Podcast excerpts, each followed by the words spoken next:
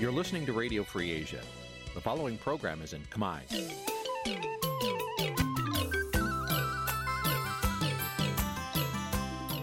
Nǐ ជាកម្មវិធីផ្សាយ Vuthu Azizi Serai នេះជាកម្មវិធីផ្សាយរបស់ Vuthu Azizi Serai ជាភាសាខ្មែរ Vuthu Azizi Serai សូមស្វាគមន៍លោកអ្នកនាងទាំងអស់ពីរដ្ឋធានី Washington នៃសហរដ្ឋអាមេរិក ពីរដ្ឋធានី Washington នាងខ្ញុំសុជីវីសូមជម្រាបសួរលោកអ្នកនាងកញ្ញាអ្នកស្ដាប់វិទ្យុអាស៊ីសេរីទាំងអស់ជាទីមេត្រីយើងខ្ញុំសូមជូនកម្មវិធីផ្សាយសម្រាប់ព្រឹកថ្ងៃច័ន្ទ800ខែអាសត់ឆ្នាំថោះបัญចស័កពុរសករាជ2567ចាប់ដែលត្រូវនៅថ្ងៃទី6ខែវិច្ឆិកាគ្រិស្តសករាជ2023ជាដំបូងនេះសូមអញ្ជើញលោកអ្នកនាងស្ដាប់ព័ត៌មានប្រចាំថ្ងៃដែលមានមេត្តាដូចតទៅ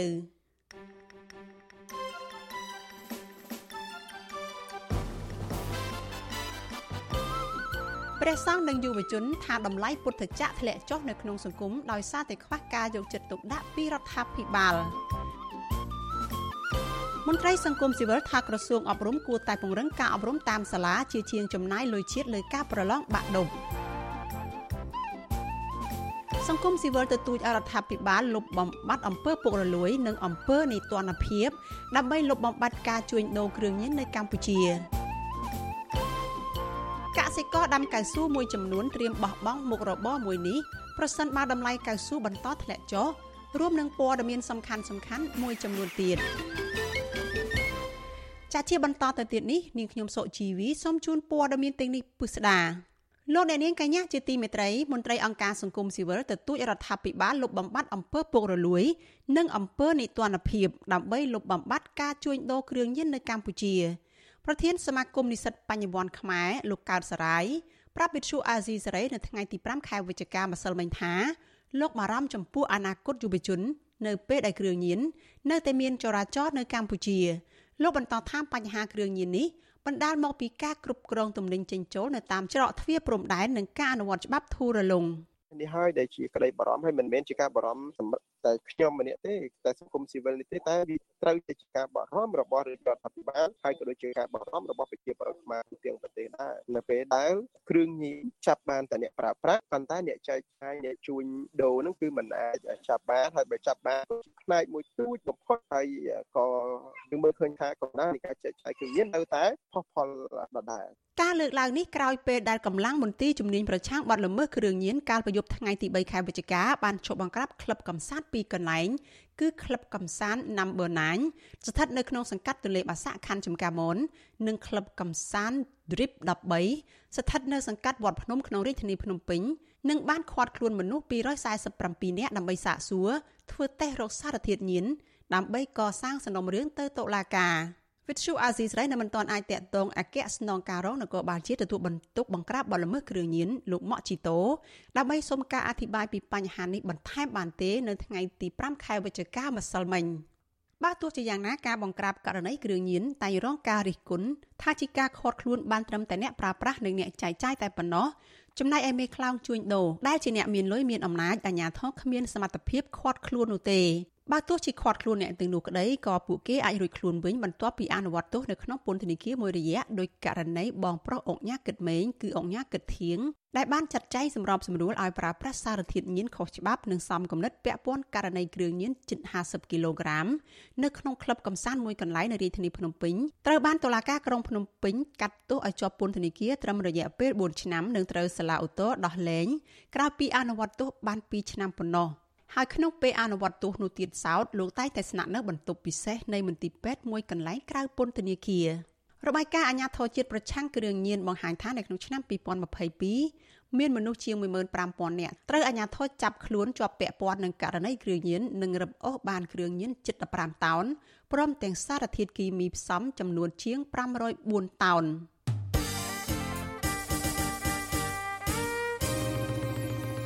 លោកអ្នកនាងកញ្ញាជាទីមេត្រីលោកអ្នកកំពុងស្ដាប់វិទ្យុអាស៊ីសេរីផ្សាយចេញពីរដ្ឋធានី Washington សហរដ្ឋអាមេរិកគណៈសង្ឃនយោបាយកម្ពុជាចោទព្រះសង្ឃមួយចំនួនថាចែកចាយព័ត៌មាននៅលើបណ្ដាញសង្គមញុះញង់និងវាយប្រហារអ្នកដែលប្រតិបត្តិអនុវត្តជំនឿ ថាធ្វើឲ្យប៉ះពាល់ទៅដល់តម្លៃព្រះពុទ្ធសាសនា និងប្រយោជន៍ជាតិប៉ុន្តែព្រះសង្ឃនិងយុវជនចាត់ទុកថាការអប់រំនិងតម្លៃពុទ្ធសាសនាបានធ្លាក់ចុះនៅក្នុងសង្គមផ្ដើមចេញពីមេដឹកនាំខ្វះការយកចិត្តទុកដាក់លើកកម្ពស់ការអប់រំនៅក្នុងវិស័យពុទ្ធចក្រនិងអាណាចក្រចាលោកច័ន្ទដារ៉ូរាយការណ៍អំពីរឿងនេះ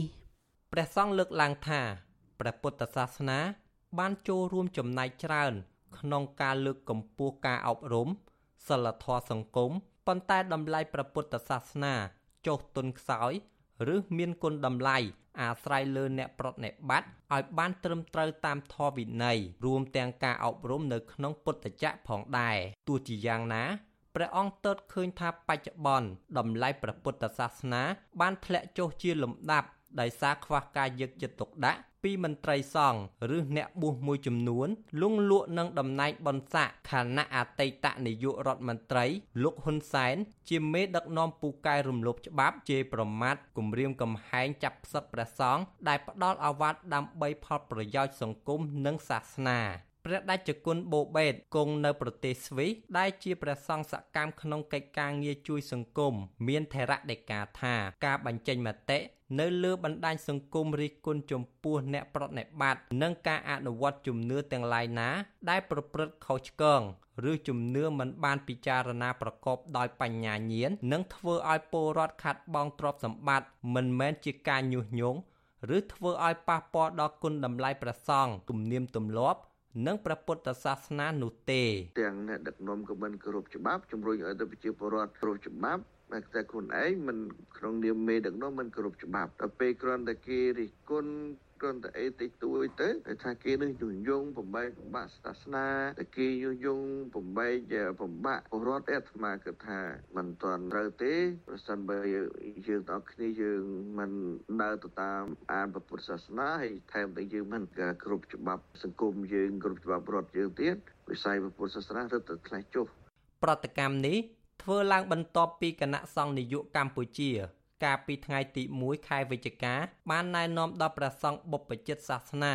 ដែលកំពុងប្រើប្រាស់បណ្ដាញសង្គមឲ្យបញ្ឈប់ការផ្សព្វផ្សាយនិងចែករំលែកព័ត៌មានអវិជ្ជមានវាយប្រហារឌៀមដាំពីបុគ្គលម្ខាងទៅបុគ្គលម្ខាងទៀតដែលកំពុងប្រណិប័តអនុវត្តជំនឿ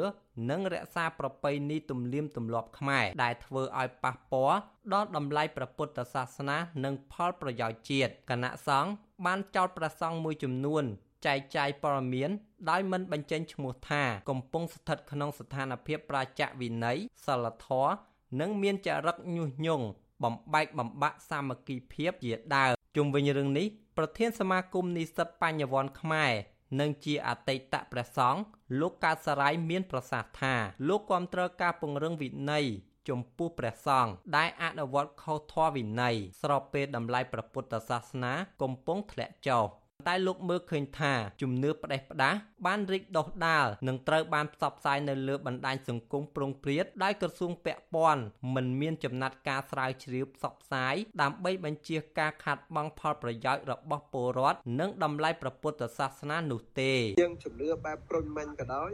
ទាំងជំនឿបែបពុទ្ធសាសនាក៏ដោយព្រមមេដឹកនាំកាលណាមេដឹកនាំជឿអីសាបព្រោះអីឲ្យតម្លៃទៅលើអីក៏មានមនុស្សមួយចំនួននោះគឺគាត់ទុនតោទៅតាមដែរដូច្នេះការដែលព្យាយាមផ្សព្វផ្សាយនៅជំនឿត្រឹមត្រូវឲ្យមេដឹកនាំក៏ត្រូវធ្វើជាគំរូភាព នៅក្នុងការគោរពបើឧទាហរណ៍ថាយើងចង់លើកតម្លៃពុទ្ធសាសនាយើងចង់លើកតម្លៃសាសនាដែលជាសាសនាបរតឲ្យត្រឹមត្រូវមេដឹកនាំគឺត្រូវដើរតួនាទីជាមនុស្សដ៏សំខាន់នៅក្នុងការបង្ហាញពីអរិយាប័ត្រត្រឹមត្រូវបង្ហាញពីរបៀបគោរពដោយត្រឹមត្រូវទោះជាគណៈសង្ឃកម្ពុជា លើកឡើងបែបនេះក្តីកាលពីថ្មីថ្មីនេះសម្ដេចសង្ឃនាយកពីរអង្គគឺសម្ដេចសង្ឃរាជទេពវង្សនិងសម្ដេចសង្ឃអមលំហេងបានយកអ្នកបំផ្លាញធនធានធម្មជាតិ លោកទ្រីភិបធ្វើជាទីប្រឹក្សាផ្ទាល់អ្នកខ្លំមើលចាត់ទុកការតែងតាំងលោកទ្រីភិបឲ្យធ្វើជាឧត្តមទីប្រឹក្សាផ្ទាល់នោះ ថាកំពុងរុញច្រានតម្លៃព្រះពុទ្ធសាសនាឲ្យធ្លាក់ចុះកន្លងទៅអតីតនាយករដ្ឋមន្ត្រីលោកហ៊ុនសែនតែងតែធ្វើទុកបុកម្នេញជាបន្តបន្ទាប់លើព្រះសង្ឃដែលឈឺឆ្អាលរឿងបញ្ហាសង្គមនយោបាយនិងធនធានធម្មជាតិជាដើមជាក់ស្ដែង មុនការបោះឆ្នោតជ្រើសតាំងតំណាងរាស្ត្រអាណត្តិទី6លោកហ៊ុនសែនធ្លាប់ប្រមានឈប់ធ្វើបន់ប្រសិនបើគណៈបកប្រជាជនកម្ពុជាចាញ់ការបោះឆ្នោតកាលនេះបញ្ជាក់ថាលោកហ៊ុនសែនគ្មានចិត្តជ្រះថ្លាពិតប្រាកដក្នុងការធ្វើបុណ្យឬជួយការពារព្រះពុទ្ធសាសនាឡើយខ្ញុំបាទច័ន្ទដារ៉ូវិទ្យុអាស៊ីសេរី លោកអ្នកនាងកញ្ញាជាទីមេត្រីយើងងាកមកព័ត៌មានតកតងនឹងការអប់រំនិងការប្រឡងបាក់ឌុបនៅថ្ងៃនេះវិញមន្ត្រីឃ្លាំមើលបញ្ហានៃការអប់រំស្នើឲ្យក្រសួងអប់រំនិងស្ថាប័នពាក់ព័ន្ធគួរពិចារណាឡើងវិញដើម្បីដាក់ឲ្យសិស្សានុសិស្សប្រឡងសញ្ញាបត្រមធ្យមសិក្សាទុតិយភូមិឬបាក់ឌុបនៅតាមមណ្ឌលនិងខេត្តរៀងៗខ្លួនដើម្បីកាត់បន្ថយការចំណាយថវិកាជាតិ ពួកគេសង្កេតឃើញថាការចំណាយថវិកាជាតិច្រើនទៅលើការប្រឡងមិនមែនជាការពង្រឹងវិស័យអប់រំឲ្យមានគុណភាពឡើយចាលោកជាតិចំណានរាយការណ៍អំពីរឿងនេះយុវជននិងមន្ត្រីសង្គមស៊ីវិលស្នើឲ្យមានការរឹតបន្តឹងទៅលើការអនុវត្តច្បាប់និងពង្រឹងការអប់រំនៅតាមសាលាជាជាងចំណាយលុយជាតិទៅលើការប្រឡងបាក់ឌុបនេះសិស្សានុសិស្សសស្រាក់សស្រាមនាំគ្នាទៅពិនិត្យឈ្មោះនៅមជ្ឈមណ្ឌលប្រឡងដើម្បីត្រៀមប្រឡងនៅថ្ងៃទី6ខែវិច្ឆិកាចំណែកឯសិស្សមួយចំនួនទៀតបានយកធូបទៀន ផ្កាភ្ញីទៅបន់ស្រន់នៅទីកន្លែងសក្ការៈដែលពួកគេជឿថាអាចនឹងជួយឲ្យប្រឡងជាប់បេក្ខជនប្រឡងនៅមជ្ឈមណ្ឌលបឋមសិក្សាមុខនេះក្នុងខេត្តសៀមរាបកញ្ញាជៀនសុកណាប្រាប់វិទ្យុអស៊ីស្រីនៅថ្ងៃទី5ខែវិច្ឆិកាថាកញ្ញាជ្រើសយកថ្នាក់សង្គមសម្រាប់ការប្រឡងដោយសង្ឃឹមថា50%នឹងប្រឡងជាប់កញ្ញាជំរុញឲ្យក្រសួងអប់រំពង្រឹងគុណភាពអប់រំដល់សិស្សចាប់តាំងពីថ្នាក់បឋមនិងផ្លាស់ប្តូរការប្រឡងទៅតាមស្រុកខេត្តវិញពីព្រោះមានសិស្សមួយចំនួន ដែលពួកគេធ្វើដំណើរទៅប្រឡងតែងតែជួបគ្រោះថ្នាក់តាមផ្លូវ យើងមិនបដិសេធមិនឲ្យមានការប្រឡងដោយប្រទេសដែលគេរីចម្រើនទេប៉ុន្តែយើងគ្រាន់តែចង់ឲ្យមានការសម្រួលដល់ការប្រឡងទៅតាមមណ្ឌលនីមួយនីមួយហើយឲ្យសំខាន់គឺគុណភាពនៃការសិក្សាហ្នឹងយើងសង្ឃឹមថាវានឹងមានការពង្រឹងតាំងពីតូចរហូតដល់ពួកគាត់ធំពីព្រោះក្មេងហើយយុវជន គឺវាអាស្រ័យទៅលើសង្គមបរិបទសង្គមដែលបានផ្ដល់ឲ្យពួកគាត់នឹងហើយហើយបើសិនបើសង្គមមករត់បន្តឹងតែពេលណាដែលពួកគាត់ធំដឹងក្តីហើយចឹងវាពិបាកក្នុងការកែប្រែ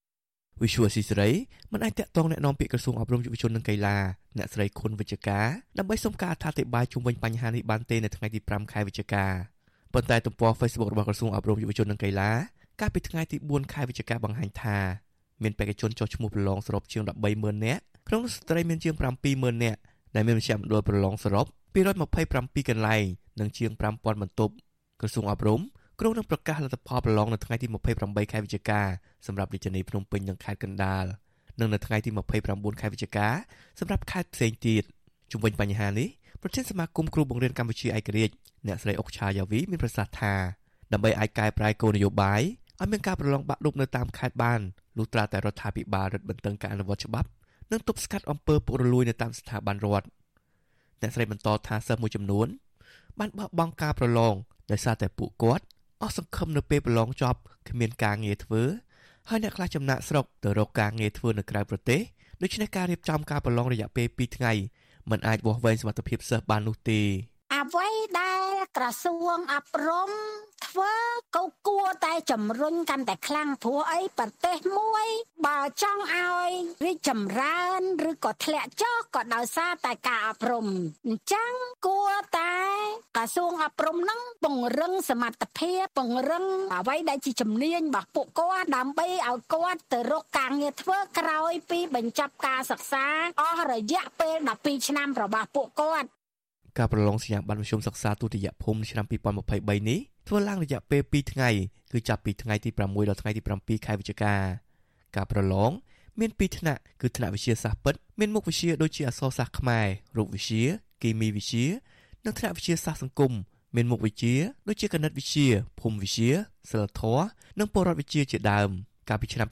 2022មានបេក្ខជនបោះបង់ការប្រឡងរហូតដល់ទៅជាង2000នាក់ដោយសារតែបញ្ហាសុខភាព ការបាក់ទឹកចិត្តនិងជីវភាពជាដើម ដែលធ្វើឲ្យពួកគាត់បង្ខំចិត្តបោះបង់ការសិក្សាមន្ត្រីសង្គមស៊ីវិលលើកឡើងថាក្រសួងអប់រំគួរតែមានគោលនយោបាយជាក់លាក់ណាមួយដើម្បីឆ្លើយតបទៅនឹងបញ្ហាប្រឈមនិងគួរតែឲ្យមានការប្រឡងនៅតាមខេត្តដើម្បីកាត់បន្ថយការចំណាយថវិកាជាតិជាពិសេសបង្កើតឲ្យមានកម្មវិធីប្រកួតប្រជែងផ្សេងៗដើម្បីអាចឲ្យសិស្សប្រឡងជាប់ជាជាងមានតែការប្រឡងតែមួយមុខខ្ញុំបាទជាចំណាន Visual Society ប្រធានាទី Washington លោកអ្នកនាងកញ្ញាជាទីមេត្រីងាកទៅព័ត៌មានតកតនឹងការតវ៉ារបស់ក្រុមកោតក្រនៅ Nagawal វិញម្ដងក្រុមកោតក្រ Nagawal ប្រមាណ30នាក់កាលពីថ្ងៃទី5ខែវិច្ឆិកាម្សិលមិញបាននាំគ្នាស្លៀកពាក់ដោយយកសម្រាមមកតុបតែងខ្លួនដើម្បីជាសារដាស់តឿនទៅដល់ថៅកែបនលបែងកាស៊ីណូ Nagawal ថាសូម្បីតែសម្រាមក៏មានតម្លៃអាចយកមកកែច្នៃដូច្នេះឈប់ចាត់ទុកពួកគេជាសម្រាមបន្តទៀតហើយងាកមកដោះស្រាយវិវាទការងារឲ្យកម្មករ ក្រុមកោតក្រ Nagavel នាំគ្នាកាន់បដាធ្វើឡើងពីផ្លាស្ទិកដបទឹកនិងទយុបឺតដាក់តម្រៀបគ្នាដែលមានខ្លឹមសារថាអយុត្តិធម៌និងអ្នកខ្លះទៀតតុបតែងខ្លួនដោយយកសម្បកកេះមកធ្វើជាមួកពាក់និងសរសេរលើសម្បកកេះនោះថាទទួលយកតំណាងសមាជិកសហជីពឲ្យចូលធ្វើការជាដើមកោតក្រ Nagavel កញ្ញាប៊ូស្រីនាងប្រាប់វិទ្យុអាស៊ីសេរីនៅថ្ងៃទី5ខែវិច្ឆិកាថាសម្រាប់ដែលទុកយូរគឺមានក្លិនស្អុយដូច្នេះ បើថៃកែ Nagavel មិនព្រមដោះស្រាយវិវាទការងារឲ្យកម្មករទេ គឺប្រៀបដូចជាថៃកែ Nagavel ទុកគេឈ្មោះថៃកែឲ្យស្អុយរលួយដូចជាសម្រាមដូចនេះដែរ។ ក្នុងការដែលគាត់ទុកពួកខ្ញុំចោលអត់ព្រមដោះស្រាយទុកចោលពួកខ្ញុំដូចជាសញ្ញានេះគឺវាធ្វើឲ្យថ្នាក់ដឹកនាំនៃប្រទេសមួយហ្នឹងគឺត្រូវបានគេរិះគន់គេកោតទោសបណ្ដាប្រទេសផ្សេងផ្សេងគេកោតទោសសូមឲ្យគាត់ហ្នឹងជួយមើលឃើញពួកខ្ញុំផងកុំចាត់ទុកពួកខ្ញុំដូចជាសម្រាមឲ្យគាត់ជួយដោះស្រាយសម្អាតពួកខ្ញុំឲ្យដូចជាសម្អាតសម្រាមមកព្រោះសម្រាមកាលណាទុកយូរគឺវាស្អុយរលួយ វិទ្យុអាស៊ីសេរីមិនអាចតាក់ទងแนะនាំពាក្យក្រសួងការងារលោកកតាអូនដើម្បីសុំការបកស្រាយជុំវិញបញ្ហានេះបានទេ នៅថ្ងៃទី5ខែវិច្ឆិកាបើទោះជាក្រុមកោតក្រ Nagawal ប្រឈមនឹងបញ្ហាជីវភាពសុខភាពនិងរងការចោទប្រកាន់ធ្ងន់ធ្ងរពីសំណាក់អាជ្ញាធរនិងអតីតនាយករដ្ឋមន្ត្រីលោកហ៊ុនសែន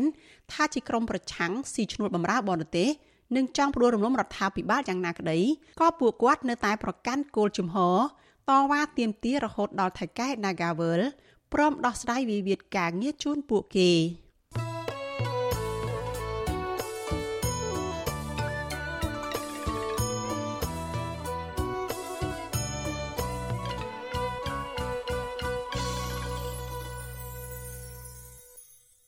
លោកអ្នកនាងកញ្ញាជាទីមេត្រីកសិករដាំកៅស៊ូលើកឡើងថាពួកគាត់នឹងបោះបង់មុខរបរដាំកៅស៊ូ ប្រសិនបរដ្ឋាភិបាលនៅតែមិនអាចរកទីផ្សារឲ្យបានប្រសើរជាងនេះកសិករបញ្ជាក់ថាតម្លៃបច្ចុប្បន្ននេះមិនអាចធ្វើឲ្យពួកគាត់រកប្រាក់ចំណូលផ្គត់ផ្គង់គ្រួសារបានទេអ្នកជំនាញកសិកម្មនិងមន្ត្រីសង្គមស៊ីវិលស្នើរដ្ឋាភិបាលដាក់គោលនយោបាយជាក់លាក់ដើម្បីដោះស្រាយបញ្ហានេះហើយរដ្ឋាភិបាលគួរបើកលំហប្រជាធិបតេយ្យដើម្បីអាចនាំកៅស៊ូទៅលក់នៅសហភាពអឺរ៉ុបសូមស្ដាប់សេចក្តីរាយការណ៍របស់លោកនៅវណ្ណរិនអំពីរឿងនេះ។ កសិករដាំកៅស៊ូស្នើឲ្យរដ្ឋាភិបាលរកទីផ្សារដំណាំកៅស៊ូក្រៅពីប្រទេសវៀតណាមនិងកំណត់តម្លៃកៅស៊ូដើម្បីឲ្យពួកគាត់បានទទួលផលចំណេញបានប្រាក់ដោះស្រាយជីវភាពគ្រួសារកសិករដាំកៅស៊ូនៅស្រុកដំបែលោកសួនតែន លើកឡើងថាក្នុងរយៈពេល7ឆ្នាំមកនេះតម្លៃជ័រកៅស៊ូមានតម្លៃចន្លោះពី1500រៀលទៅ2000រៀលដែលធ្វើឲ្យកសិករមួយចំនួន បានកាប់ដើមកៅស៊ូចោលដើម្បីយកដីដាំដំណាំផ្សេងផ្សេងវិញលោកសួនតែន បន្ថែមថាប្រសិនបើតម្លៃកៅស៊ូនៅតែនៅក្រោម2000រៀលបន្តទៀតលោកនឹងបោះបង់មុខរបរកៅស៊ូនេះជាក់ជាមិនខានបើតម្លៃប៉ុណ្ណឹងទៀតអត់តាមទេបងខ្ញុំតាមអីស្ទេចព្រោះតម្លៃប៉ុណ្ណឹងយើងទៅរួចយើងចំណាយយកឆ្នាំជីច្រើនវិញហើយប៉ុណ្ណឹងវាទៅរួចហ្នឹង អាយើងចំណាយប៉ុន្តែដូចយើងតាមកូនអញ្ចឹងចំណាយអស់ច្រើនកូនថ្លៃហើយយើងចំណាយពេលថែទាំមកទៀតអស់វាអស់ច្រើនលោកសួនតែនបន្ថែមថាតម្លៃកៅស៊ូដែលកសិករចង់បាននោះគឺតម្លៃយ៉ាងហោចណាស់2500រៀលក៏ប៉ុន្តែលោកថាតម្លៃនេះមិនអាចទៅរួចនោះទេប្រសិនបើរដ្ឋាភិបាលមិនកែច្នៃជ័រកៅស៊ូឬនាំចេញទៅទីផ្សារក្រៅប្រទេសក្រៅពីប្រទេសវៀតណាមនោះ ចំណែកកសិករដាំកៅស៊ូម្នាក់ទៀតនៅក្នុងស្រុកមេមត់គឺលោកស្រីឆៃវិត លើកឡើងថាដើម្បីអាចប្រមូលផលកៅស៊ូបានកសិករចំណាយពេលដាំ និងថែយ៉ាងហោចណាស់6ឆ្នាំលោកស្រីឆៃវិតថាគ្រួសាររបស់លោកស្រីទើបបានប្រមូលផលរយៈពេល3ឆ្នាំតែប៉ុណ្ណោះក៏ប៉ុន្តែតម្លៃជ័រកៅស៊ូបានធ្លាក់ចុះហើយទីផ្សារកៅស៊ូក៏ពឹងតែប្រទេសវៀតណាមតែមួយគត់លោកឆៃវិត ស្នើដល់រដ្ឋាភិបាលរកទីផ្សារនាំចេញផលិតផលជ័រកៅស៊ូឲ្យបានតម្លៃយ៉ាងហោចណាស់2500រៀលព្រោះលោកស្រីឆៃវិតថាសម្រាប់តម្លៃបច្ចុប្បន្ននេះមិនត្រឹមតែកសិករមិនចំណេញទេ គឺជាតម្លៃខាតសម្រាប់កសិករខណៈកសិករមួយចំនួនបានបោះបង់ចំការកៅស៊ូចោលរួចហើយ កាលពីគូវិតជឿឡើងបាន2007 2008អីអានោះលមុនយើងអាចទិញអីហូបបានឥឡូវនេះជឿថោកយ៉ាងហើយជឿអ្នកតិចតិចយ៉ាងមានបានអីហូបទៅព្រោះហើយចូលមកសំទៅថ្លៃហូបពេលក្រិនហ្មងអ្នកជឿតិចតិចគិតមកឯងបើយ៉ាងពេលលក់យ៉ាងអស់គ្នាយើងក៏រត់ទីផ្សារគ្នាមានលក់ឲ្យយូនរស់ពឹងទាំងហើមគេកាលពីថ្ងៃទី31ខែធ្នូឆ្នាំ2020កន្លងទៅ សហភាពអឺរ៉ុបបានចេញនូវច្បាប់មួយ គោលបំណងហាម5ការនាំចូលទំនិញចំនួន5ប្រភេទដូចជាគោក្របី កាកាវកាហ្វេដូងប្រេងកៅស៊ូសណ្ដែកនិងឈើក្នុងករណីដែលទំនិញទាំងនោះមកពីប្រទេសដទៃដែលកាប់បំផ្លាញព្រៃឈើរបាយការណ៍នៃអង្គការឃ្លាំមើលសិទ្ធិមនុស្សលីកាដូក្នុងឆ្នាំ2023បង្ហាញថារដ្ឋាភិបាលកម្ពុជាបានផ្ដល់ដីសម្បត្តិចំនួន7.1លានហិកតា ឬ158កន្លែងដើម្បីដាំកៅស៊ូហើយស្ទើរតែពាក់កណ្ដាលនៃម្ចាស់ក្រុមហ៊ុន គឺជាជនជាតិចិននិងវៀតណាមដែលទទួលបានដីសម្បត្តិជាង4សែនហិកតា ក្នុងដីសម្បត្តិទាំងនោះគឺកាត់ចេញពីតំបន់ការពារធនធានធម្មជាតិដែលជាមូលហេតុធ្វើឲ្យបាត់បង់គម្របព្រៃឈើនាយកទទួលបន្ទុកកិច្ចការទូតទៅនៃអង្គការឃ្លាំមើលសិទ្ធិមនុស្សលីកាដូ លោកអំសំអាត លើកឡើងថាគោលការណ៍របស់សហភាពអឺរ៉ុប តែងតែផ្ដោតជាអាទិភាពទៅលើការគោរពសិទ្ធិមនុស្សឬការការពារធនធានធម្មជាតិលោកអំសំអាតបន្ថែមថានៅពេលដែលទំនិញឬផលិតផលកៅស៊ូរបស់ប្រទេសកម្ពុជាជាប់ពាក់ព័ន្ធទៅនឹងការរំលោភសិទ្ធិមនុស្សឬការកាប់បំផ្លាញព្រៃឈើនោះសហភាពអឺរ៉ុបនឹងបន្តកាត់ពន្ធឬមិននាំចូលទំនិញទាំងនោះហើយពលរដ្ឋជាអ្នករងផលប៉ះពាល់ទាំងនេះទី2គឺលក្ខខណ្ឌរបស់សហគមន៍អឺរ៉ុបនៅក្នុងការនាំចូល ហើយខ្ញុំលើកចឹងថាបញ្ហាតំណែងមួយចំនួនដែលវាពាក់ព័ន្ធជាមួយទៅបញ្ហាមលោភសិទ្ធិមនុស្សដីធ្លីអីហ្នឹងអាហ្នឹងគឺវាមានការកាត់បន្ថយអាហ្នឹងក៏ធ្វើឲ្យប៉ះពាល់ដែរបាទអញ្ចឹងវាមានការគូផ្សំគ្នាអញ្ចឹងអ្វីដែលសំខាន់គឺចង់ឃើញកម្ពុជាយើងហ្នឹងគឺធ្វើយ៉ាងម៉េចគោរពទៅតាមគោលការណ៍នៃសិទ្ធិមនុស្សវិទ្យុអាស៊ីសេរីមិនអាចតាក់ទងแนะនាំពាក្យក្រសួងកសិកម្មកញ្ញាអឹមរចនា និងអគ្គនាយកនៃអគ្គនាយកដ្ឋានកៅស៊ូលោកហឹមអូនបាននៅឡើយនោះទេនៅថ្ងៃទី4ខែវិច្ឆិកាទោះជាយ៉ាងណា លោកហឹមអូនបានប្រាប់សារព័ត៌មានកម្ពុជាមីថាច្បាប់ថ្មីរបស់សហភាពអឺរ៉ុបមិនបានធ្វើឲ្យប៉ះពាល់ដល់ការដាំដុះ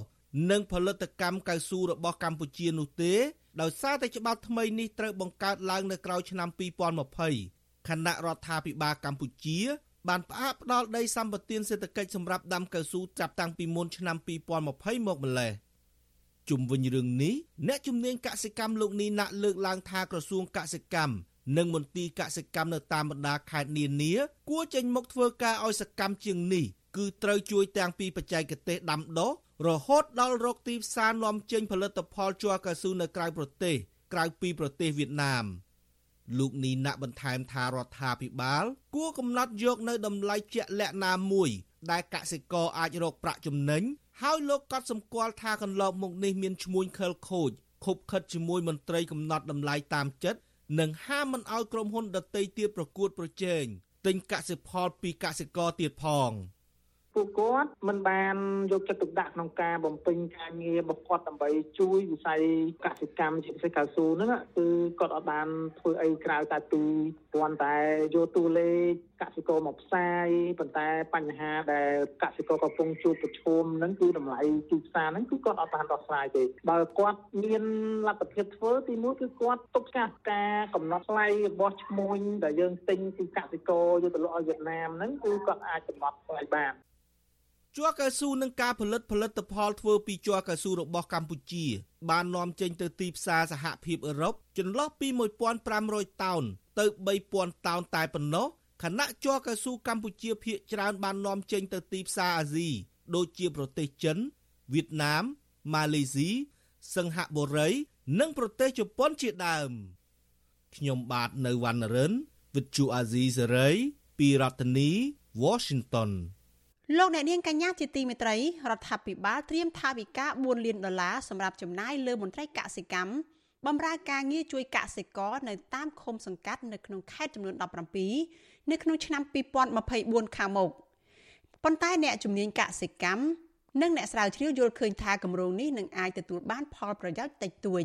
ក្រសួងសេដ្ឋកិច្ចនិងហិរញ្ញវត្ថុដែលបានបញ្ចេញថវិកាជាតិឆ្នាំ2024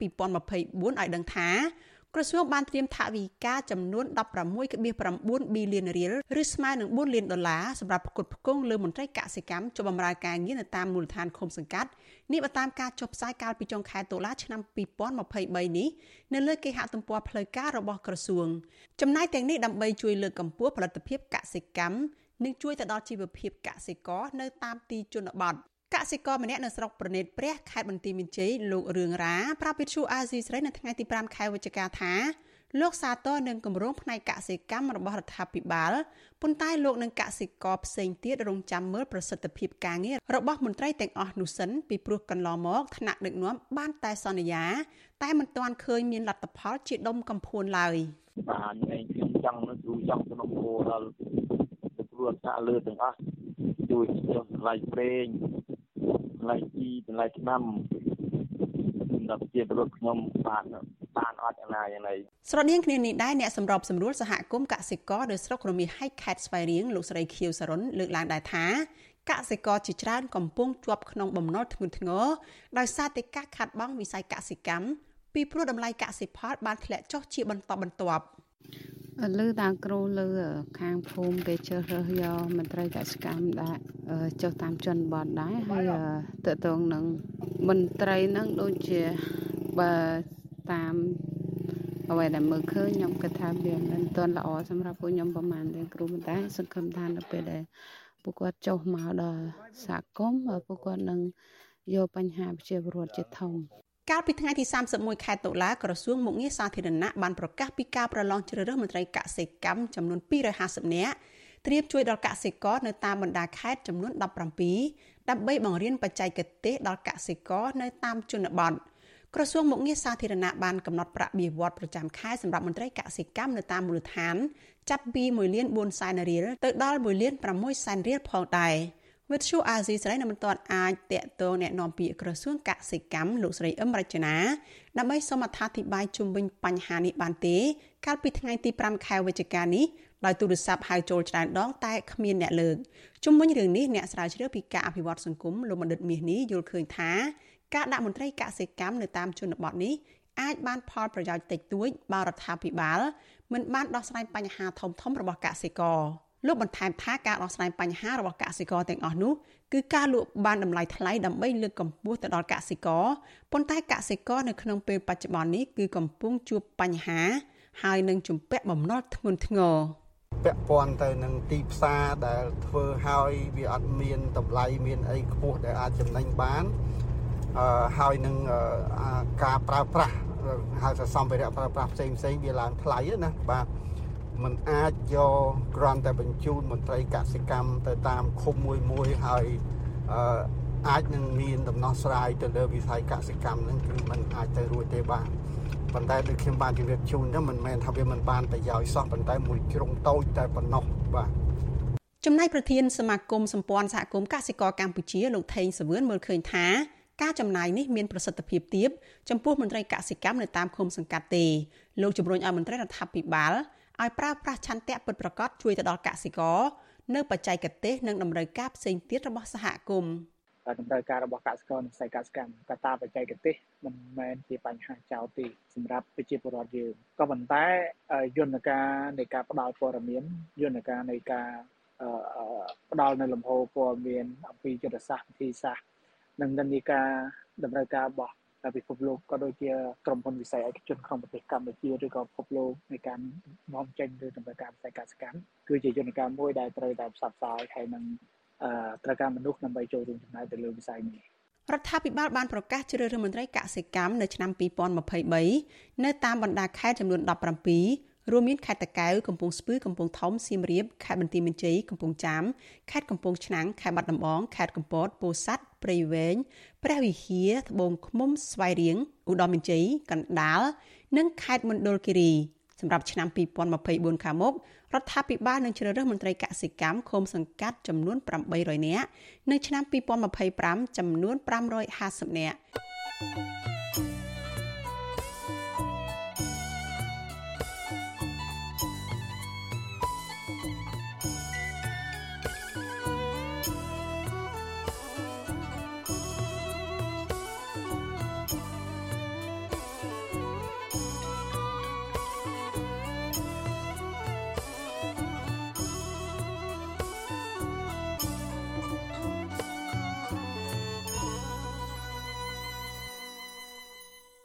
លោកអ្នកនាងកញ្ញាជាទីមេត្រីចាព័ត៌មានតកតងនឹងការបោកបញ្ឆោតកេងប្រវ័ញ្ចកម្លាំងពលកម្មនិងជួញដូរផ្លូវភេទវិញម្ដង អង្គការសិទ្ធិមនុស្សក្រៅរដ្ឋាភិបាលកត់សម្គាល់ឃើញថា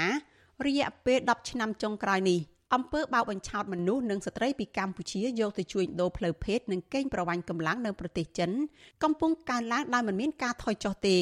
ពួកគាត់មើលឃើញថាការកើនឡើងនេះដោយសារតែមន្ត្រីពុករលួយមួយចំនួន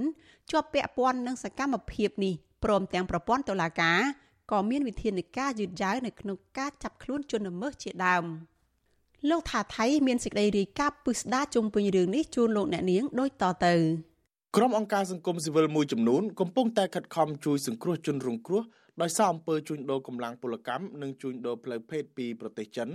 ឲ្យត្រឡប់មកមាតុភូមិវិញព្រមទាំងធ្វើយុទ្ធនាការតាមមូលដ្ឋានដើម្បីផ្សព្វផ្សាយកុំឲ្យប្រជាពលរដ្ឋចាញ់បោកមេខ្យល់ ហើយធ្វើចំណាក់ស្រុកចេញទៅរកការងារធ្វើនៅក្រៅប្រទេសដោយប្រថុយប្រឋានការប្រឹងប្រែងរបស់អង្គការសិទ្ធិមនុស្សនេះខណៈដែលបច្ចុប្បន្នអំពើបោកបញ្ឆោតមនុស្សពីកម្ពុជា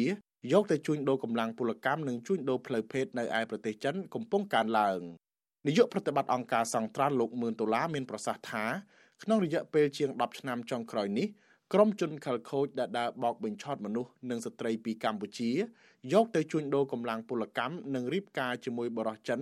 កំពុងកើតមានយ៉ាងខ្លាំងមិនថយចុះនោះទេលោកមឿនដុល្លារឲ្យដឹងទៀតថាក្នុងរយៈពេលជាង10ឆ្នាំមកហើយដែលអង្គការរបស់លោកតែងតែជួយសង្គ្រោះពលរដ្ឋខ្មែរនិងស្ត្រីពីប្រទេសចិនឲ្យត្រឡប់មកស្រុកវិញដោយយ៉ាងហោចណាស់ក៏ចំនួនពី7ទៅ10នាក់ដែរក្នុងមួយឆ្នាំមួយឆ្នាំបច្ចុប្បន្ននេះមានជនខិលខូចខ្លះតែងតែដើរទៅតាមតំបន់ដាច់ស្រយាលតាមបណ្ដាខេត្តមួយចំនួនហើយបោកបញ្ឆោតមនុស្សដែលពេញកម្លាំងឲ្យទៅធ្វើការព្រមទាំងស្ត្រីក្មេងៗមានរូបសម្រស់ស្អាត ថាទៅធ្វើការនៅប្រទេសចិនគឺបានប្រាក់ខែថ្លៃពី2000ទៅ3000ដុល្លារក្នុងមួយខែហើយស្របពេលដែលមនុស្សជាច្រើនកំពុងតែមានជីវភាពខ្វះខាត ចង់បានការងារធ្វើផងនោះក៏ត្រូវមេខ្យល់ធ្វើលិខិតឆ្លងដែននឹងទឹកតការ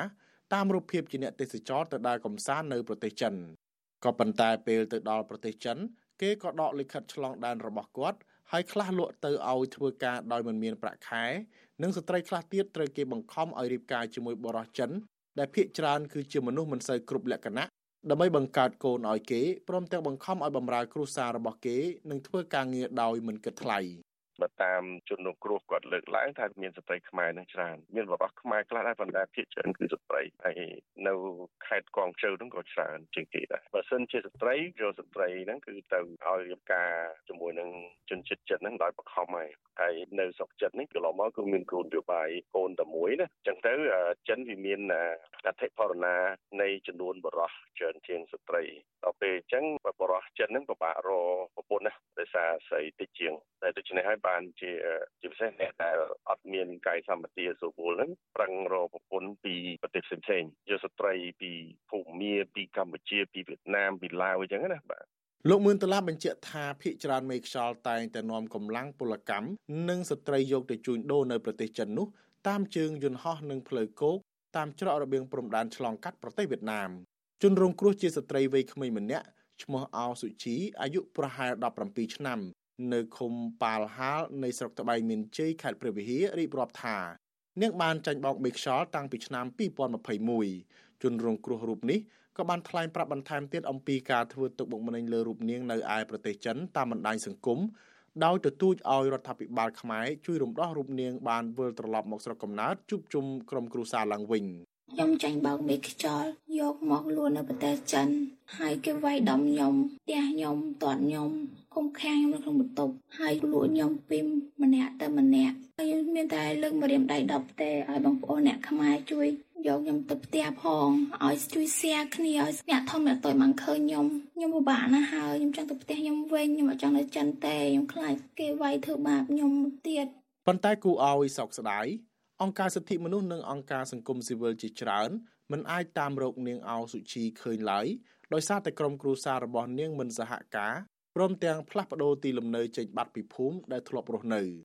មន្ត្រីសមាគមការពារសិទ្ធិមនុស្សអាត6ទទួលបន្ទុកការងារស្ត្រីនិងកុមារប្រចាំខេត្តព្រះវិហារអ្នកស្រីហូម៉ាបូនីមានប្រសាសន៍ថាសមាគមអាត6បានព្យាយាមខ្នះខ្នែងជួយក្មេងស្រីអោសុជីនេះក៏ប៉ុន្តែម្ដាយរបស់នាងដែលជាប់ចោតវិបត្តិលក់កូនស្រីរបស់ខ្លួននោះ មិនព្រមសហការជាមួយក្រុមអង្គការក្រៅរដ្ឋាភិបាលដើម្បីផ្ដល់ព័ត៌មានអំពីកន្លែងដែលកូនរបស់គាត់ស្នាក់នៅក្នុងប្រទេសចិនទេអត់តាមបានមកដល់ទេកូនហ្នឹងហើយណាមួយយើងព្យាយាមជួបម្ដាយដើម្បីឲ្យអត់ហុកជួយយ៉ាងម៉េចតែមកក្រុមគ្រួសារហ្នឹងយើងព្យាយាមទៅតាមរកក្រុមគ្រួសារតែគឺគាត់ក៏ផ្លាស់ទីលំនៅហ្នឹងទៅណាអ្នកខ្លះថាគាត់ផ្លាស់ប្ដូរទៅនៅភ្នំពេញទៅអីចឹងណាអញ្ចឹងករណីហ្នឹងអត់ហុកអត់បានធ្វើអីគាត់ហើយណាមួយករណីរឿងហ្នឹងគាត់មេខ្យល់ហ្នឹងក៏ជាប់ពន្ធនាគារអីរួចអស់ហើយ ជនរងគ្រោះជាស្ត្រីខ្មែរម្នាក់ទៀតសុំមិនបញ្ចេញឈ្មោះរស់នៅស្រុករវៀងខេត្តព្រះវិហារដែលទើបតែជួយសង្គ្រោះឲ្យត្រឡប់មកពីប្រទេសចិនវិញនាងបានប្រាប់វិទ្យុអាស៊ីសេរីថាមេខ្យល់បានបោកបញ្ឆោតរូបនាងយកទៅស្រុកចិនតាំងពីចុងឆ្នាំ2015មេខ្យល់បានឲ្យប្រាក់ទៅម្ដាយរបស់នាងចំនួន1000ដុល្លារអាមេរិកហើយប្រាប់ថានាំរូបនាងទៅធ្វើការនៅប្រទេសចិនបានប្រាក់ខែច្រើន បន្ទាប់មកមេខ្យល់នាំរូបនាងឆ្លងដែនតាមប្រទេសវៀតណាមហើយស្នាក់នៅក្នុងប្រទេសវៀតណាមប្រហែលជាកន្លះខែពេលស្នាក់នៅក្នុងប្រទេសវៀតណាមនោះនាងបានដឹងថាគេមិនមែននាំរូបនាងទៅធ្វើការនៅប្រទេសចិនទេគឺយករូបនាងទៅលក់ឲ្យរៀបការជាមួយបរិសចិនម្នាក់ដែលជាប្រភេទមនុស្សមិនសូវគ្រប់ទឹកស្ត្រីដដែលបញ្ជាក់ទៀតថាបើទោះបីជានាងដឹងថាបរិសដែលនាងត្រូវរៀបការជាមួយគឺជាមនុស្សដែលមិនគ្រប់លក្ខណៈក៏ដោយ ក៏រូបនាងមិនអាចប្រកែកបានទេពីព្រោះខ្លាចគេធ្វើបាបនាងមិនដឹងថាមេខ្យល់ដែលនាំនាងទៅនោះគេទទួលបានប្រាក់ចំនួនប៉ុន្មានពីបរិសចិននោះទេក៏ប៉ុន្តែនាងដឹងត្រឹមតែថាម្ដាយរបស់នាងទទួលបានប្រាក់តែ1000ដុល្លារគត់មុនពេលគេនាំរូបនាងចេញពីផ្ទះ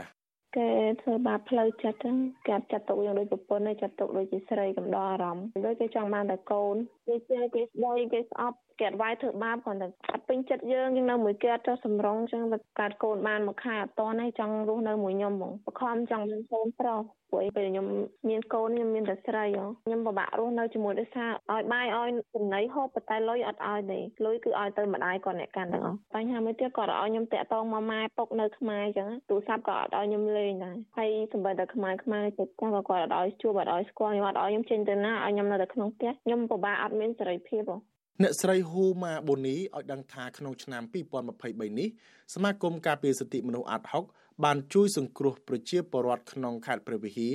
ដែលគេជួញដូរទៅប្រទេសចិនឲ្យត្រឡប់មកផ្ទះវិញបាន7ករណីហើយអ្នកនាំពាក្យសមាគមការពារសិទ្ធិមនុស្សអាត់ហុកលោកសង្សានករណាមានប្រសាសន៍ថារូបភាពនៃអំពើជួញដូរមនុស្សទៅកាន់ប្រទេសចិនភ ieck ច្រើនគឺចាញ់បោកមេខ្យល់តាមរយៈមិត្តភ័ក្តិឬក៏សាច់ញាតិបញ្ចុះបញ្ចូល ឲ្យយល់ព្រមទៅធ្វើការដោយសារតែឃើញមនុស្សខ្លះដែលគេទៅធ្វើការនៅចិន មានលុយច្រើនជីវិតបែបហឺហាជាដើមរូបភាពខ្លះទៀតគឺជារបៀបរៀបការជាមួយបរិសចិនក៏មានប៉ុន្តែពេលដែលចេញពីប្រទេសកម្ពុជាទៅដល់ប្រទេសចិនទើបដឹងថាខ្លួនចាញ់បោកគេ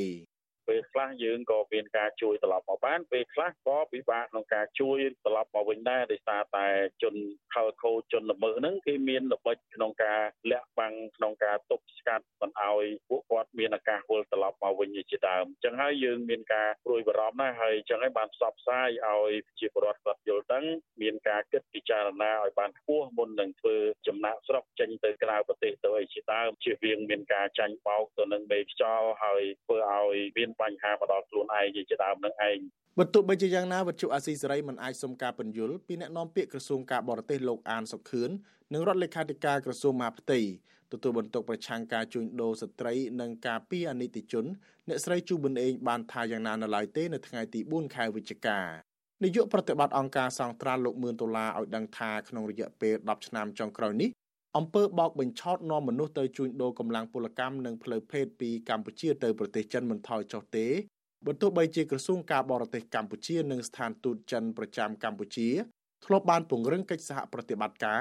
ដោយរដ្ឋបတ်ក្នុងការចេញទឹកដីកាឲ្យស្ត្រីខ្មែរទៅលេងចិនមានកម្រិតមែនក៏ប៉ុន្តែការនាំស្ត្រីខ្មែរឲ្យធ្វើដំណើរតាមយន្តហោះបានថយចុះហើយការធ្វើដំណើរតាមផ្លូវគោកនៃច្រករបៀងព្រំដែនកម្ពុជាវៀតណាមបានកើនឡើងទៅវិញ គេហទំព័រឈ្មោះ Modern Diplomacy បានដកស្រង់តាមរបាយការណ៍អង្គការសហប្រជាជាតិស្តីពីគ្រឿងញៀននិងឧក្រិដ្ឋកម្មមកផ្សព្វផ្សាយកាលពីថ្ងៃទី3ខែវិច្ឆិកាថាការជួញដូរមនុស្សនិងបេសកចារនៅកម្ពុជា បានកើតមាននៅខេត្តព្រះសីហនុតាំងពីឆ្នាំ2019នៅតាមកន្លែងលេងល្បែងស៊ីសងស្របច្បាប់ជាច្រើនប្រទេសកម្ពុជាមិនត្រឹមតែជាប្រភពដែលផ្គត់ផ្គង់បេសកចារទៅឲ្យប្រទេសដទៃទៀតក្នុងការជួញដូរផ្លូវភេទប៉ុណ្ណោះទេកម្ពុជាក៏ជាចំណុចឆ្លងកាត់ របស់ក្រុមជួញដូរមនុស្សមកពីប្រទេសចិនវៀតណាមនិងថៃផងដែរ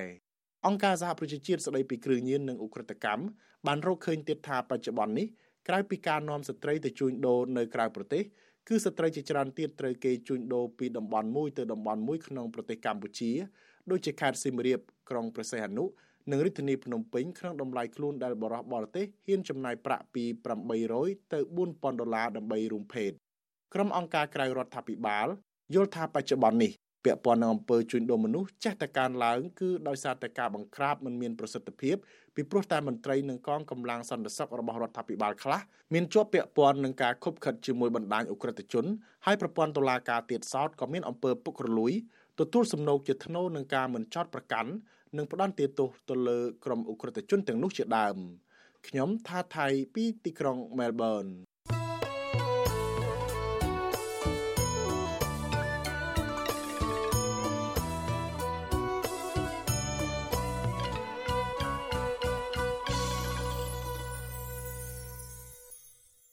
លោកអ្នកនាងកញ្ញាប្រិយមិត្តជាទីមេត្រីចារឿងដាច់ដライមួយទៀតអ្នកវិភាគនយោបាយបរទេសមួយចំនួនមើលឃើញថាបច្ចុប្បន្ននេះប្រទេសចិនកំពុងមានឥទ្ធិពលយ៉ាងខ្លាំងគ្របដណ្ដប់ទៅលើកងយុទ្ធពលខេមរៈភូមិន្ទកម្ពុជាពួកគេបានកត់សម្គាល់ទៀតថាក្នុងរយៈពេល3-4ឆ្នាំចុងក្រោយនេះចិនបានផ្ដល់រថយន្តយោធាប្រភេទពិសេសធន់ស្រាល BG80 និងរថយន្តប្រណិត Hongqi H9 ក្នុងតម្លៃថ្លៃជាច្រើនគ្រឿងឲ្យកម្ពុជា ដែលអាចជាប្រយោជន៍សម្រាប់ទិញទឹកចិត្តឬក៏ជារង្វាន់ដល់យោធាកម្ពុជាលោកជាចំណានមានសេចក្តីរាយការណ៍មួយទៀតអំពីរឿងនេះអ្នកនយោបាយនិងអ្នកវិភាគបញ្ហាសង្គមមើលឃើញថាបច្ចុប្បន្ននេះអេរយាបតរបស់រដ្ឋាភិបាលកម្ពុជាហាក់មានទំនោរជិតស្និទ្ធជាមួយប្រទេសចិនខ្លាំងជាងបណ្ដាប្រទេសលោកសេរីដូចជាសហរដ្ឋអាមេរិកនិងសហគមន៍អឺរ៉ុបជាដើមអេរយាបតនេះមិនត្រឹមតែធ្វើឲ្យអធិបុលចិនក្របដណ្ដប់លើនយោបាយប៉ុណ្ណោះទេ គឺវាបានគ្របដណ្ដប់ទៅលើផ្នែកយោធាកាន់តែខ្លាំងឡើងខ្លាំងឡើងហើយទំនាក់ទំនងរវាងយោធាកម្ពុជាជាមួយនឹងបណ្ដាប្រទេសលោកសេរីផ្សេងទៀតក៏បានឃ្លាតឆ្ងាយបន្តិចម្ដងបន្តិចម្ដងដែរអ្នកសិក្សាការអភិវឌ្ឍសង្គមបណ្ឌិតសេងសារីមានប្រសាសន៍ថាបើទោះបីបច្ចុប្បន្ននេះមិនទាន់មានផុសតាំងណាមួយដែលបង្ហាញថាចិនមានមូលដ្ឋានយោធានៅក្នុងប្រទេសកម្ពុជាក៏ដោយក៏គេមើលឃើញថាអធិបតេយ្យចិនកំពុងតែគ្របដណ្ដប់លើវិស័យយោធាកម្ពុជាតាមរយៈគម្រោងផ្លូវមួយខ្សែក្រវ៉ាត់មួយដែលភាសាអង់គ្លេសហៅកាត់ថា BRI ក៏ប៉ុន្តែទោះបីយ៉ាងណាក៏ដោយសម្រាប់ខ្ញុំខ្ញុំសន្និដ្ឋានថាឥទ្ធិពលតបចិនហ្នឹងវាមកជាមួយនឹងកម្រង BRI ហៅ PRI ឬក៏យើងហៅជាភាសាខ្មែរថាផ្លូវមួយខ្សែក្រវ៉ាត់មួយហ្នឹងជារួមមិនមែនតែកម្ពុជាទេដែលទទួលឥទ្ធិពលទាំងវិស័យយោធានយោបាយពីគម្រោង BRI នេះវាមានប្រទេសច្រើនទៀតហើយប្រទេសមួយចំនួនហ្នឹងក៏បានធ្លាក់ចូលទៅក្នុងអន្តៈបំណុលរបស់ចិនទាំងសេដ្ឋកិច្ចទាំងកងទ័ពទាំងវិស័យយោធាហ្នឹងបាទ បណ្ឌិតសេងសេរីមានប្រសាសន៍ទៀតថាបើពិនិត្យទៅលើសកម្មភាពបច្ចុប្បន្ននេះយោធាចិននិងកម្ពុជាឧស្សាហ៍ធ្វើសមយុទ្ធយោធាការផ្លាស់ប្តូរបទពិសោធន៍រវាងសិក្ខាកាមយោធាជាមួយនឹងគ្នាជាញឹកញាប់ទាំងការផ្តល់ជំនួយជាសម្ភារៈ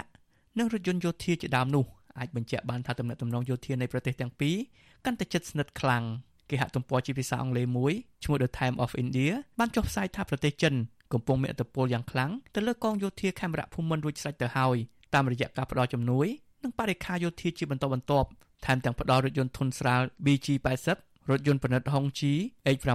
និងរថយន្ត Sedan ដែលជាប្រភេទរថយន្តដែលមានតម្លៃថ្លៃដែលយោធាកម្ពុជាខ្លួនឯងមិនទាន់មានលទ្ធភាពទិញមកប្រើប្រាស់នៅឡើយនោះគេហទំព័រដដែលបន្ថែមថាអ្នកខ្លមើខ្លះបានគិតថាប្រទេសចិនដែលបានផ្ដល់រថយន្តដែលមានតម្លៃឲ្យទៅយោធាកម្ពុជានោះគឺគ្មានអ្វីក្រៅពីការទិញភក្តីភាពឬជារង្វាន់ដល់យោធាកម្ពុជានោះទេ វិសុអសីស្រីមិនអាចតកតងแนะនាំពាក្យក្រសួងការពារជាតិលោកឈុំសុជាតិដើម្បីសុំការអធិប្បាយជុំវិញរឿងនេះបាននៅឡើយទេនៅថ្ងៃទី29ខែតុលាប៉ុន្តែក្រសួងការពារជាតិកម្ពុជាធ្លាប់បានបញ្យល់ថាជំនួយសម្ភារៈនិងរថយន្តប្រណិតសម្រាប់យោធាទាំងនេះគឺសម្រាប់បន្តកិច្ចសហប្រតិបត្តិការរវាងកម្ពុជានិងចិនដែលមិនផ្លាស់ប្ដូរហើយកម្ពុជាចិននឹងបន្តកិច្ចសហប្រតិបត្តិការដែលមានស្រាប់ឲ្យកាន់តែរឹងមាំបន្ថែមទៀតទោះជាយ៉ាងណាមន្ត្រីជាន់ខ្ពស់គណៈបកភ្លឹងទៀនលោករងឈុនបានកត់សម្គាល់ឃើញថា ក្នុងរយៈពេល2ទៅ3ឆ្នាំចុងក្រោយនេះកម្ពុជាបានចូលរួមផ្នែកយោធាព្រមទាំងបានធ្វើសម្ពយុទ្ធរួមគ្នា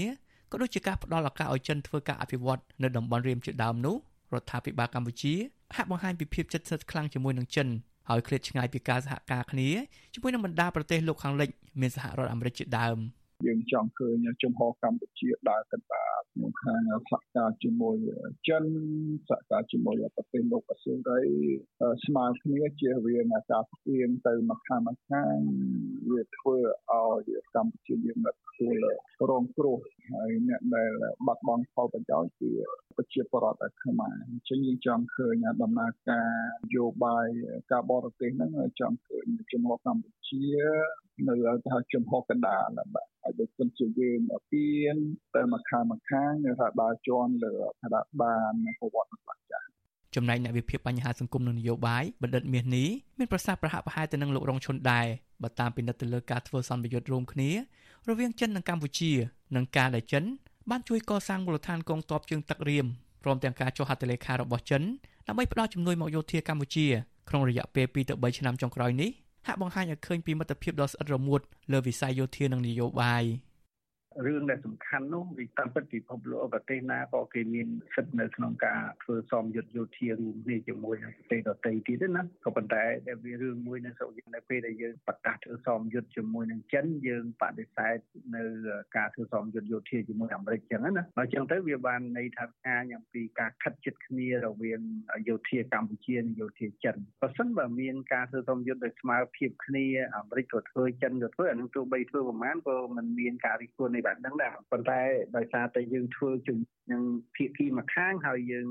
បានបដិសេធនៅភាគជាមួយនឹងភាគីម្ខាងទៀតកាលពីឆ្នាំ2021ប្រទេសចិនឆ្លោះផ្ដោតកម្ចីចំនួន84លានដុល្លារដល់កម្ពុជាដើម្បីទិញសម្ភារៈនិងសម្រាប់ប្រើប្រាស់បង្កើនសមត្ថភាពយោធានៅក្នុងពេលដែលគេមើលឃើញថាឥទ្ធិពលចិនកំពុងគ្របដណ្ដប់លើផ្នែកយោធាកម្ពុជានោះមន្ត្រីយោធាខ្មែរម្នាក់បានបង្កើតចេញជាអំពើពុករលួយដោយជាការរកស៊ីជាមួយចិនយកកងកម្លាំងខ្លះឲ្យដើរតាមការពារ និងកាងក្រុមឈ្មួញចិនមួយចំនួនព្រមទាំងមានមន្ត្រីខ្លះទៀតបានយករថយន្តបំពាក់ស្លាកលេខខមទៅឲ្យជនជាតិចិនប្រើប្រាស់ជាដើមអ្នកវិភាគនៃតំបន់អាស៊ីប៉ាស៊ីហ្វិកបានមើលឃើញថាបច្ចុប្បន្ននេះឥទ្ធិពលចិនមិនមែនតែកំពុងគ្របដណ្ដប់លើវិស័យយោធាកម្ពុជាតែប៉ុណ្ណោះទេវាកំពុងតែគ្របដណ្ដប់ទៅលើផ្នែកជាច្រើនទៀតទាំងផ្នែកនយោបាយនិងសេដ្ឋកិច្ចដែរគេហទំព័ររបស់អូស្ត្រាលី ABC បានសរសេរការពីពាក់កណ្ដាលខែកញ្ញាថាប្រទេសចិនបានគ្របដណ្ដប់ដ៏ធំនៅក្នុងនយោបាយនិងសេដ្ឋកិច្ចរបស់កម្ពុជា គេបានឃើញគម្រោងហិរញ្ញប្បទាននិងមូលនិធិជាច្រើនដែលចិនផ្ដល់ឲ្យកម្ពុជាដូចជាអាកាសយានដ្ឋានផ្លូវថ្នល់និងហេដ្ឋារចនាសម្ព័ន្ធផ្សេងទៀតដែលសាងសង់ដោយសារតែកម្ចីរបស់ចិនអ្នកសិក្សាការអភិវឌ្ឍមើលឃើញថាការដែលប្រទេសកម្ពុជានិងចិនកំពុងតែរឹតចំណងនៃកិច្ចសហប្រតិបត្តិការជាច្រើនវិស័យនេះគឺវាមិនមែនជាមិត្តភាពល្អប្រសើរសម្រាប់ដៃគូស្មោះត្រង់នោះទេផ្ទុយទៅវិញវាជាការដាក់អន្ទាក់បំណុលដែលនឹងធ្វើឲ្យកម្ពុជាជំពាក់ចិនយ៉ាងច្រើនបណ្ឌិតសេងសេរីមានប្រសាសន៍ថាជាធម្មតា នៅក្នុងស្តង់ដារសេដ្ឋកិច្ចនៅពេលដែលប្រទេសនីមួយៗទទួលការវិនិយោគទុនពីប្រទេសមួយទៀតគឺមិនលើសពី50%នៃទុនវិនិយោគបរទេសសរុបនោះទេប្រសិនបើប្រទេសតែមួយមកធ្វើវិនិយោគនៅកម្ពុជាលើសពីទុន50%គឺវានឹងធ្វើឲ្យកម្ពុជាអាចឈានទៅដល់គ្រោះថ្នាក់នៃសេដ្ឋកិច្ចធ្ងន់ធ្ងរប៉ុន្តែតារាងវិនិយោគទុនបរទេសរកឃើញថាការវិនិយោគរបស់ចិននៅកម្ពុជាបច្ចុប្បន្នមានកម្រិតពី73ទៅ75%ទៅហើយបណ្ឌិតសេងសារីឲ្យដឹងទៀតថា បើពិនិត្យមើលបច្ចុប្បន្ននេះកម្ពុជាបានជំពាក់បំណុលបរទេសសរុបប្រមាណ15,000លានដុល្លារអាមេរិកហើយក្នុងនោះកម្ពុជាជំពាក់ចិនប្រមាណ40%ខ្ញុំបាទចិត្តចំណាន Visual Society ប្រធានាទី Washington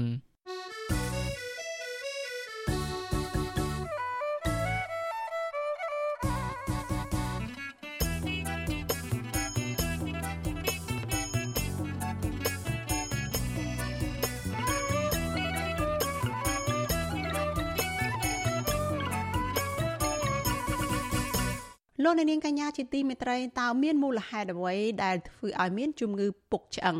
ជំងឺពុកឆ្អឹងកើតឡើងនៅពេលដែលឆ្អឹងកកើតថ្មីមិនអាចទៅជំនួសការបាត់បង់កំហាប់ឆ្អឹងចាស់ជំងឺពុកឆ្អឹងកើតឡើងលើបុរសនិងស្ត្រីគ្រប់ជាតិសាសន៍ចាប់ពីអាយុ50ឆ្នាំឡើងទៅ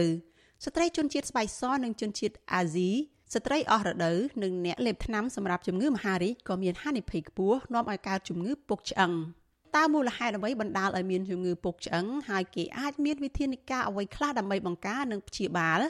ចាអ្នកស្រីម៉ៅសុធានីរាយការណ៍ពិស្ដារអំពីរឿងនេះជូនលោកអ្នកនាងជំងឺពុកឆ្អឹងបណ្ដាលឲ្យឆ្អឹងស្ពោត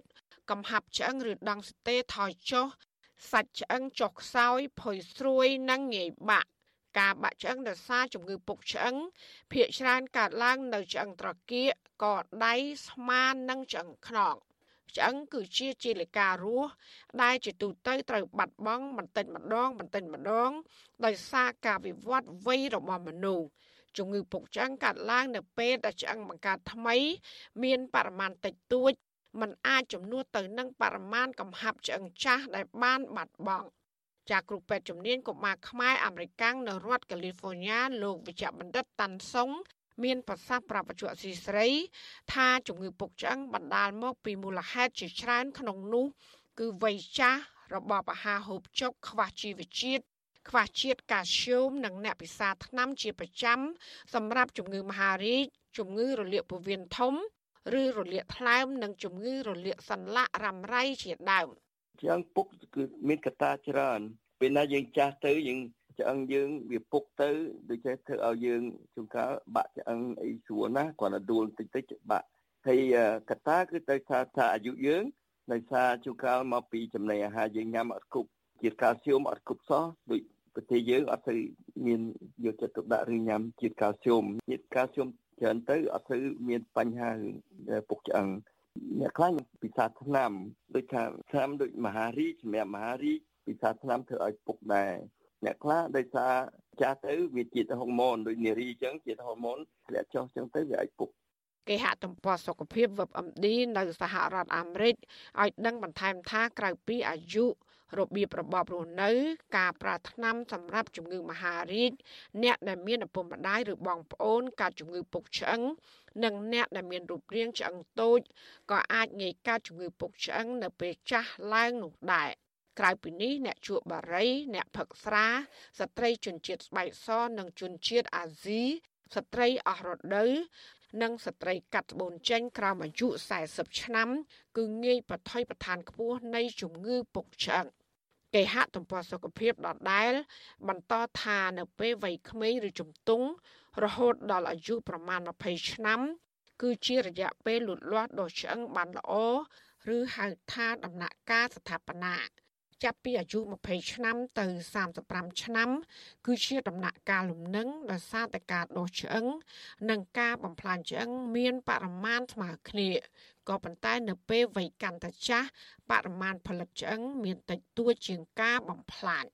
ដំណាក់កាលនេះខ្លួនប្រាណរបស់មនុស្សមិនត្រឹមតែមិនអាចផ្ដល់ជីវជាតិកាល់ស្យូមដល់ឆ្អឹងបាននោះទេក៏ប៉ុន្តែបែរជាស្រូបយកពីឆ្អឹងមកវិញ ចំពោះមនុស្សប្រុសវិញ កំហាប់ឆ្អឹងឬដង់សទេធ្លាក់ចុះបន្តិចម្ដងបន្តិចម្ដងទៅតាមវ័យហើយសម្រាប់មនុស្សស្រីវិញឆ្អឹងបាត់បង់យ៉ាងខ្លាំងនៅពេលអស់រដូវអត្រាអុកម៉ូនអេស្ត្រូសិនធ្លាក់ចុះនិងកង្វះអុកម៉ូនចូលរួមចំណែកបំផ្លាញឆ្អឹងយ៉ាងខ្លាំងលោកវិជ្ជបណ្ឌិតតាន់សុងឲ្យដឹងទៀតថាអ្នកកើតជំងឺពុកឆ្អឹងគឺអាស្រ័យលើបរិមាណឆ្អឹងដុះលូតលាស់និងស្តុកទុកបានល្អនៅពេលវ័យក្មេង អ្នកដែលមានកម្រិតឆ្អឹងដុះច្រើនលូតលាស់ល្អពីក្មេងទំនងជាមិនសូវកើតជំងឺពុកឆ្អឹងនៅពេលចាស់នោះឡើយបន្ថែមពីនេះលោកវិជ្ជបណ្ឌិតផ្ដល់ដំបូន្មានឲ្យទទួលទានអាហារមានជាតិកាល់ស្យូមច្រើនដើរឬរត់នឹងលើកដុំដែកដើម្បីបង្កើនសាច់ដុំនិងកាត់បន្ថយជំងឺពុកឆ្អឹងយើងការពារខ្លួនតាំងពីនៅតូច ពេលកើតមកគឺថាធ្វើម៉េចមហូបអាហារឲ្យយើងល្អដើម្បីមានមូលដ្ឋានសម្រាប់ខ្លួនយើងហ្មងណាដូច្នេះយើងទៅពីតូចទៅគឺថាមួយជីវិតវាអាចធ្វើបានហើយសំខាន់គេពេលនៅក្មេងចឹងហើយកុមារភាពពេលហ្នឹងត្រូវភាសាអីឲ្យល្អតាំងពីតូចដល់ដល់ចាស់ទៅកោងខ្នងហើយម្នាក់ម្នាក់ដូចថាយើងកាន់តែទៀតទៅស្រុតទៅសាច់ដុំយើងក៏ចាស់ទៅកាន់តែស្វិតទៅហើយដូចជាបើយើងហាត់ប្រាណកាន់តែច្រើន ជាតិកាល់ស្យូមវាស្ថិតទេដូចថាអានឹងតើតើដូចរត់ដើរបើថាយើងនឹងអង្គុយនៅមួយកន្លែងអានឹងអាចពុកឆ្អឹងគេហទំព័រសុខភាព WebMD បន្តថាជំងឺពុកឆ្អឹងនៅដំណាក់កាលដំបូងពុំបង្ហាញរោគសញ្ញាអ្វីឡើយក៏ប៉ុន្តែគេអាចកត់សម្គាល់ថាបុគ្គលនោះ មានជំងឺពុកឆ្អឹងដោយសាររោគសញ្ញាមួយចំនួន រួមមានឈឺខ្នងដោយសារស្រុតឬបាក់ឆ្អឹងកងខ្នង ការរួញកម្ពស់ ពេលឈរខ្នងកោងមិនត្រង់និងឆ្អឹងងាយបាក់ជាងការរំពឹងទុក នៅពេលដួលដូចជាបាក់ត្រង់ឆ្អឹងត្រគាកនិងកដៃភាពអសកម្មរបស់រាងកាយកង្វះជាតិកាល់ស្យូម និងកង្វះវីតាមីន D សុទ្ធសឹងជាកត្តាជំរុញឲ្យឆាប់បាត់បង់ម៉ាស់ឬក៏ដង់ស៊ីតេរបស់ឆ្អឹងដែរតើគេអាចមានវិធីណាខ្លះដើម្បីបង្ការនិងព្យាបាលជំងឺពុកឆ្អឹង លោកវិជ្ជបណ្ឌិតតាន់សុងផ្ដល់ដំបូន្មាន ថាវិធីងាយស្រួលបំផុត នៅពេលដែលចាស់ទៅដើម្បីបង្ការជំងឺពុកឆ្អឹងគឺត្រូវទទួលទានម្ហូបអាហាររួមមាន បន្លែបៃតង ផ្លែឈើនិងត្រីឲ្យបានច្រើនដើរឬរត់នឹងលើកដុំដែកឬទម្ងន់ដើម្បីជួយបង្ការការបាត់បង់ឆ្អឹងនិងជួយពង្រឹងឆ្អឹងដែលចុះខ្សោយនោះផងជាតិកាល់ស្យូមគឺមាននៅក្នុងទឹកដោះគោគេមានឈី យ៉ាវ៉ូយូហ្គតណាអាហ្នឹងគេមានញ៉ាំច្រើនស្រុកយើងគឺថាបន្លែហើយត្រីហើយទី3គឺតៅហ៊ូតៅហ៊ូក៏មានជាតិកាល់ស្យូមដែរជាតិកាល់ស្យូមច្រើនណាស់តៅហ៊ូដូច្នេះបន្លែបន្លែក៏ច្រើនហើយក្រៅពីហ្នឹងគឺថាបើអាចពិសាបានកាល់ស្យូមវីតាមីន D គេហទំព័រសុខភាព WebMD ក៏បានឲ្យដឹងបន្ថែមថាបរិសនិងស្ត្រី ចាប់ពីអាយុ50ឆ្នាំឡើងទៅ ត្រូវការរបបអាហារនិងជាតិកាល់ស្យូមប្រមាណពី1200មីលីក្រាមក្នុងមួយថ្ងៃចំពោះវីតាមីន D វិញប៉ះសិនបើមិនសូវបានដើរឲ្យត្រូវថ្ងៃ សម្ងំតែនៅក្នុងផ្ទះជាពិសេសមនុស្សចាស់ជរា គួរប្រើថ្នាំវីតាមីន D បន្ថែម ចន្លោះពី600ទៅ800 IU ក្នុងមួយថ្ងៃការហាត់ប្រាណនិងការលើកដុំដែកអាចជួយឲ្យឆ្អឹងរឹងមាំកាត់បន្ថយការបាត់បង់កំហាប់ឆ្អឹង និងពង្រឹងសាច់ដុំផងដែរចំណែកការហាត់ពង្រឹងតុល្យភាពរបស់ខ្លួនប្រាណវិញ ដូចជាហាត់តៃជីក៏ជួយកាត់បន្ថយការងាយដួលនៅពេលចាស់ឡើង ប្រសិនបើរកឃើញថាមានបញ្ហាពុកឆ្អឹងវិជ្ជបណ្ឌិតជំនាញនឹងផ្ដល់ថ្នាំលេបជាប្រចាំដើម្បីរក្សាដង់សីតេឆ្អឹងឲ្យបានល្អនិងកាត់បន្ថយការពុកឆ្អឹងដូចជាឆ្អឹងត្រគាកនិងឆ្អឹងខ្នងជាដើមចាននាងខ្ញុំម៉ៅសុធានីវិទ្យុអសីស្រីប្រធានាធិបតី Washington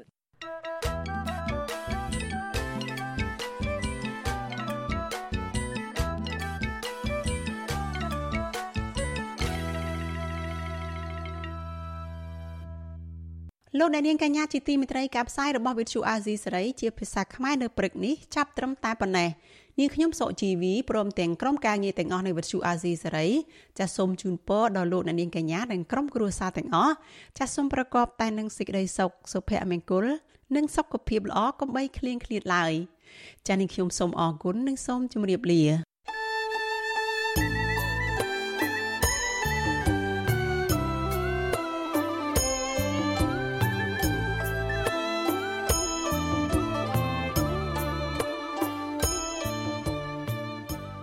ទ្យុអេស៊ីសរ៉ៃផ្សាយតាមរលកធារកាសខ្លីតាមកម្រិតនិងកម្ពស់ដូចតទៅនេះពេលព្រឹកចាប់ពីម៉ោង5កន្លះដល់ម៉ោង6កន្លះតាមរយៈប៉ុស SW 93.90 MHz ស្មើនឹងកម្ពស់ 32m និងប៉ុស SW 11.85 MHz ស្មើនឹងកម្ពស់ 25m ពេលយប់ចាប់ពីម៉ោង7កន្លះដល់ម៉ោង8កន្លះតាមរយៈប៉ុស SW 93.30 MHz ស្មើនឹងកម្ពស់ 32m ប៉ុស SW 11.88 MHz ស្មើនឹងកម្ពស់ 25m និងប៉ុស SW 15.15 MHz ស្មើនឹងកម្ពស់ 20m លោកអ្នកនាងក៏អាចស្ដាប់និងទស្សនាការផ្សាយផ្ទាល់នៅលើគេហទំព័រ Visual Asia សេរីតាមរយៈអាស័យដ្ឋាន rfa.org/ ខ្មែរ ក្រៅពីនេះលោកអ្នកនាងក៏អាចអាននិងទស្សនាព័ត៌មាន Visual Asia សេរីលើទូរស័ព្ទដៃរបស់លោកអ្នកនាងផ្ទាល់សូមអញ្ជើញលោកអ្នកនាងដំឡើងកម្មវិធី Vithu Azizi សេរីនៅលើទូរស័ព្ទដៃរបស់លោកអ្នកនាងឬស្វែងរក Vithu Azizi សេរីនៅលើ YouTube ឬ Facebook ដោយស្វែងរកពាក្យថា Vithu Azizi សេរីឬ RFA ខ្មែរសូមលោកអ្នកនាងចុច like follow និងចុច subscribe ដើម្បីទទួលបានព័ត៌មានថ្មីៗតាមហេតុការណ៍និងទស្សនាវីដេអូផ្សេងៗទៀតបានគ្រប់ពេលវេលាយើងខ្ញុំសូមជូនពរដល់លោកអ្នកនាងព្រមទាំងក្រុមគ្រួសារទាំងអស់ឲ្យជួបប្រកបតែនឹងសេចក្តីសុខសេចក្តីចម្រើនរុងរឿងកុំបីឃ្លៀងឃ្លាតឡើយ thank you